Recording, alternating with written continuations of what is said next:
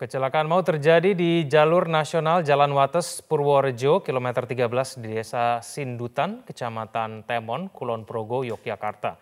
Bus sumber Rahayu menabrak kontainer yang tengah parkir di badan jalan. Akibat kejadian ini, dua orang meninggal. Anggota Basarnas Yogyakarta berjuang untuk mengeluarkan korban terjepit kecelakaan antara bus Rahayu tujuan Surabaya-Bandung dengan truk kontainer yang mengangkut benang. Korban dalam keadaan meninggal dunia yakni kenek bus yang terjepit di sisi kiri bus. Kecelakaan ini terjadi pada Jumat pagi. Supir truk kontainer yang tengah makan memarkirkan truk di sisi kiri jalan pada saat hendak membayar makanan dan bergegas melanjutkan perjalanan. Tiba-tiba dengan kencang, bus Sugeng Rahayu yang melaju dari arah timur menuju barat menghantam truk kontainer di sisi kanan. Kencangnya laju bus membuat suara menggelegar pada saat kecelakaan terjadi. Badan bus sebelah kiri pun merangsek masuk ke bodi Polres Lahat membongkar sindikat pemalsuan SIM di Lahat, Sumatera Selatan. Dua orang telah ditetapkan sebagai tersangka dan seorang lagi masih buron. Dalam kasus ini polisi menyita 25 lembar SIM C yang telah diubah menjadi SIM B2 umum sebagai barang bukti. Tim Satreskrim dan Satlantas Polres Lahat dalam investigasi selama dua pekan menemukan toko tempat usaha percetakan yang diduga dijadikan sebagai tempat pembuatan SIM palsu. Toko milik salah seorang pelaku berinisial DN kini sudah dipasangi dengan garis polisi. DN bersama dengan salah seorang rekannya berinisial RT diduga kuat melakukan pemalsuan surat izin mengemudi tipe C menjadi tipe B2 umum.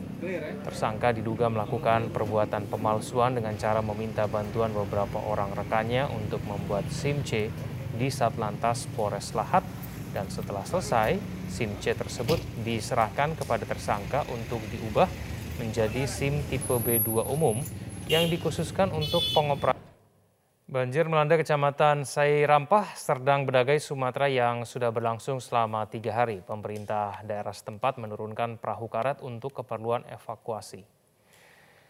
Perahu karet dari Dinas BPBD Serdang Bedagai diturunkan di Dusun Satu Jalan Kancil dan Dusun Tiga Kampung Mandailing, Desa Sairampah yang merupakan daerah terparah lokasi banjir di Kecamatan Sairampah.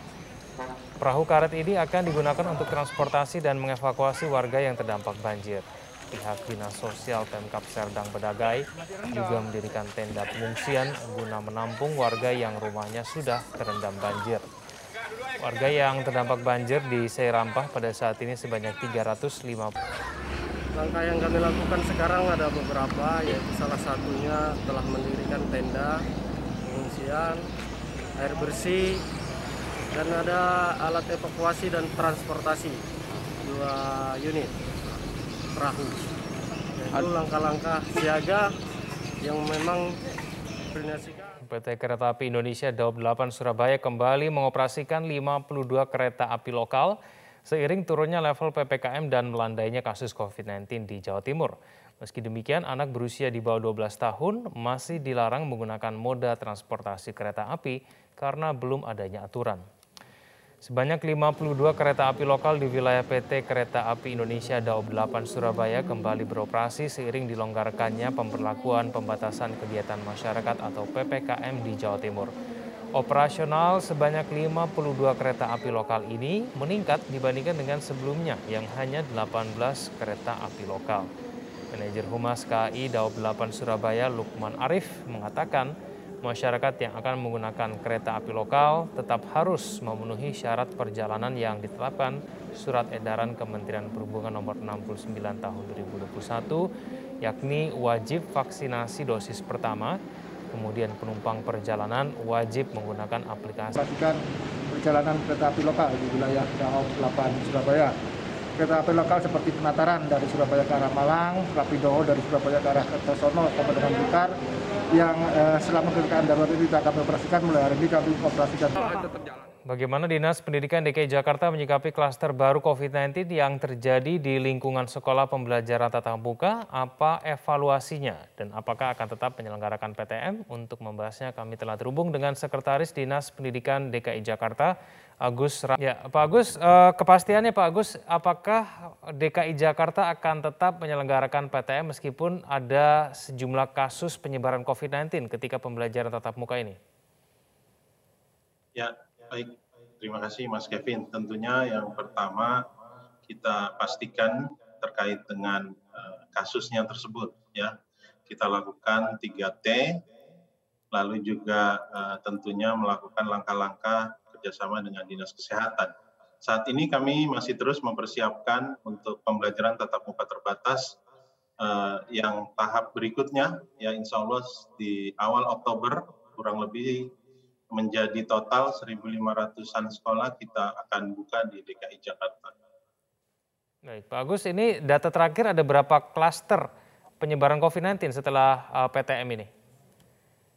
Ya, jadi uh, kita mesti hati-hati juga menggunakan kata klaster karena uh, klaster itu apabila penyebarannya memang uh, terdapat dua orang atau lebih. Sampai saat ini di DKI Jakarta belum ditemukan seperti itu. Untuk Baik. yang 610 sekolah sampai saat ini hasil evaluasi kita memang masih tetap uh, berjalan. Meskipun ada beberapa kasus ya kita lakukan evaluasi, analisis dan ternyata hasilnya memang dari luar sekolah justru. Misalnya contoh kasus kita temukan uh, ada satu peserta didik yang terpapar tetapi justru di hari pertama PTM itu kan berarti hmm. bukan dari uh, kasus di sekolah. Uh, baik Pak Agus, berarti uh, penyebaran COVID-19 di sekolah tidak ada yang sampai lebih dari dua orang begitu ya? Di DKI ya, Jakarta. Jadi sampai saat ini kita uh, tidak menyebut klaster sekolah karena memang belum ada ya. Uh, evaluasi kita terus lakukan setiap hari tentunya dengan berkoordinasi dengan Dinas Kesehatan. Mhm. Baik. Uh, hasil evaluasinya seperti apa Pak Agus? Apakah ada protokol kesehatan yang mungkin perlu diketatkan supaya kemudian penyebaran kasus COVID-19 ini betul-betul bisa dinihilkan, Pak Agus? Iya, jadi memang uh, kita setiap hari melakukan monitoring, evaluasi pelaksanaan PTM terbatas ini bekerjasama dengan Dinas Kesehatan. Hal yang paling utama adalah keselamatan dan kesehatan para peserta didik dan tenaga pendidik oleh karena itu, setiap hari tidak bosan-bosan ya para pengawas, kepala seksi yang melakukan monitoring di sekolah-sekolah mengingatkan betul tentang pentingnya protokol kesehatan. Mhm, baik. Bagus kalau oh, siswa ini tidak terpapar di lingkungan sekolah, lalu terpaparnya di mana? Bisa jadi uh, dari lingkungan keluarga, gitu. Jadi nanti yang melakukan tugas uh, tracing ini adalah teman-teman dari dinas kesehatan. Jadi kami di dinas pendidikan itu uh, misalnya ada peserta didik yang tidak masuk secara terus menerus ya selama dua kali uh, periode untuk melaksanakan pembelajaran tatap muka maka uh, guru ataupun kepala sekolah langsung bekerja sama dengan uh, puskesmas terdekat ya pelayanan kesehatan terdekat untuk sama-sama mengetahui mencari tahu penyebab dari anak ini tidak masuk ke sekolah. Apabila sudah diketahui karena sakit, ya ini akan dilakukan uh, tracing oleh ataupun wawancara oleh puskesmas setempat untuk dilakukan langkah-langkah pencegahan yang lebih lanjut. Hmm. Baik bagus. Apakah ketika sudah ditemukan ada kasus COVID-19, apakah kemudian sekolahnya akan langsung ditutup untuk sementara? Ya, itu uh, sesuai dengan juknis kita bahwa akan dilakukan yang namanya emergency break jadi sekolah akan ditutup sementara selama tiga hari dan dilakukan desinfektasi ya agar bisa memutus mata rantai termasuk tadi uh, dilakukan 3T itu ya 3T ya. untuk mencari uh, penyebab, mencari uh, dari mana ya tracing, testing dan uh, treatment ini ya lalu dilakukan penutupan selama 3 kali 24 jam untuk dilakukan sterilisasi dan desinfektasi Mas Kevin. Baik. Uh, Pak Agus, dari hasil penilaian dan evaluasi Dinas Pendidikan DKI Jakarta, apakah seluruh sekolah di DKI Jakarta sudah menerapkan protokol kesehatan sesuai dengan aturan? Ya, tentunya evaluasi terus kita laksanakan Mas Kevin. Ada beberapa temuan yang uh, melanggar prokes. Nah, ini kan sesuai juknis tentunya langsung kita berikan uh, penghentian sementara ya lalu sekolah itu dilakukan pembinaan ya para gurunya, para orang tua semua untuk sama-sama ya menomorsatukan keselamatan dan kesehatan warga sekolah sehingga uh, pada saat dihentikan sementara mereka kita lakukan pembinaan kembali mengingatkan kembali akan pentingnya protokol kesehatan di sekolah. Baik, uh, Pak Gus, apakah kemudian sudah mendapatkan respon dari Kemendikbud mengenai uh, eh, PTM yang kemudian terbukti menyebabkan adanya penyebaran COVID-19 ini? Ya, data dari Kemendikbud tentunya sudah kita uh, analisis dan telusuri. Ya memang itu uh, pendataan survei dilakukan pada saat awal pandemi jadi uh, pada 25 sekolah itu tidak ditemukan uh, klaster uh, sekolah karena kita melakukan PTM-nya itu yang tahap 1 di tanggal 30 Agustus 2021. Siang sidang vonis Kiflan Zain terkait dengan kasus kepemilikan senjata api ilegal dan peluru tajam digelar pada hari ini di Pengadilan Negeri Jakarta Pusat. In, untuk informasi selengkapnya akan disampaikan langsung oleh kontributor Metro TV Mario Pasaribu. Mario, apakah Kiflan Zen sudah difonis pada siang hari ini?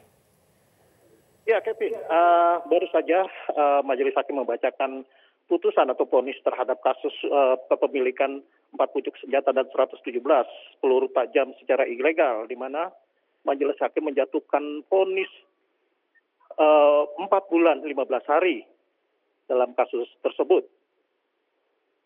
Demikian, Evin.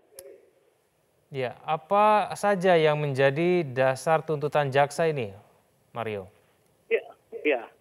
Uh, jaksa nah, majelis hakim tadi uh, sesuai dengan tuntutan juga menyampaikan bahwa uh, mantan Pangkostrat Kiflan Jen diduga dan terbukti memiliki menyimpan atau mempergunakan uh, senjata api secara ilegal sehingga dianggap dalam pertimbangan majelis menyatakan bahwa sikap yang dilakukan tersebut dianggap meresahkan masyarakat. Namun ada pun hal yang meringankan terdakwa Kiflan di antaranya dia uh, terdakwa uh, pernah berprestasi dalam uh, memimpin pasukan di Timur Timur dan Papua sehingga menjadi pertimbangan menjatuhkan vonis 4 bulan 15 hari. Usai dibacakan uh, putusan tersebut, ketika majelis hakim menanyakan bagaimana tanggapan uh, terdakwa, terdakwa menyatakan menyatakan banding dan tidak menerima. Adapun alasannya, Kifla menyatakan uh, sejumlah pledoi atau bukti atau bahkan uh, sejumlah uh, saksi ahli yang mengatakan bahwa dirinya tidak bersalah dalam kasus ini, sehingga itu menjadi acuan pihak terdakwa untuk menolak putusan walaupun putusan majelis hakim itu jauh lebih rendah dari tuntutan jaksa penuntut umum. Demikian, Kevin. Baik, apakah ada hal-hal yang meringankan vonis terhadap Kiflan Zain ini, Mario? Ya, berdasarkan pertimbangan majelis hakim, hal-hal yang meringankan bagi terdakwa di antaranya uh, Kiflan Zain dianggap ber, uh, mem, uh, mendapatkan penghargaan jasa saat memimpin uh, pasukan untuk bertugas di Timur Timur dan Papua. Sehingga alasan tersebut selain itu ada hal yang meringankan lain bahwa terdakwa belum pernah dihukum. Itu yang menjadi pertimbangan yang meringankan sedangkan yang memberatkan itu di antaranya bahwa sikap dan tindakan yang dilakukan Kiflan tersebut meresahkan masyarakat. Kepolisian Direktorat Kriminal Khusus Polda Sumatera Selatan menangkap pasangan suami istri asal Palembang karena diduga menjual sejumlah kosmetik ilegal. Kedua pasutri berinisial SP dan LA ditangkap usai polisi menyamar untuk bertransaksi dengan kedua tersangka melalui media sosial. Setelah terjadi kesepakatan di tempat transaksi jual beli yang sudah dijanjikan, polisi kemudian menangkap para pelaku. Dari rumah kedua tersangka, polisi menyita ribuan kosmetik ilegal jenis masker kecantikan tanpa izin dari BPOM. Berdasarkan keterangan dari kedua pasutri tersebut, bisnis menjual kosmetik ilegal tersebut sudah berjalan selama satu tahun. Lahar dari letusan gunung berapi Cumbre Vieja Spanyol terpantau telah melambat secara signifikan. Namun warga tetap khawatir aliran lahar masih dapat menyebar lebih jauh dalam beberapa hari mendatang dan dapat menimbulkan lebih banyak kerusakan. Rekaman yang diambil oleh The Associated Press dari helikopter Polisi Nasional Spanyol yang terbang di atas Pulau La Palma menunjukkan tingkat kerusakan yang disebabkan oleh aliran lahar. Pada hari Rabu, sungai lahar dengan lebar 600 meter kini alirannya telah melambat menjadi 4 meter per jam setelah mencapai wilayah datar. Sebelumnya pada hari Senin, sehari setelah letusan, aliran lahar bergerak dengan kecepatan 700 meter per jam. Saat ini aktivitas sistemik seismik Gunung Kumre VH rendah namun gunung masih memuntahkan batuan cair yang sejauh ini kapasitasnya mencapai 26 juta meter. Merebaknya varian Delta, ivermectin menjadi obat yang paling dicari. Meski hingga saat ini rekomendasi Organisasi Kesehatan Dunia atau WHO masih belum berubah, yakni untuk sebatas uji klinis. Ivermectin terus mengundang pro dan kontra meski yang menolak kini punya landasan lebih meyakinkan. Uji klinis acak di Together COVID-19 Trial melibatkan peneliti dari Amerika Serikat, Brasil, dan Kanada menyimpulkan bahwa Avermectin tidak bermanfaat untuk tangani COVID-19. We enrolled 1,300 patients into this randomized controlled trial, and that included ivermectin, and it also included placebo, making it the largest study, uh, quality study uh, that has explored this uh, uh, intervention to date.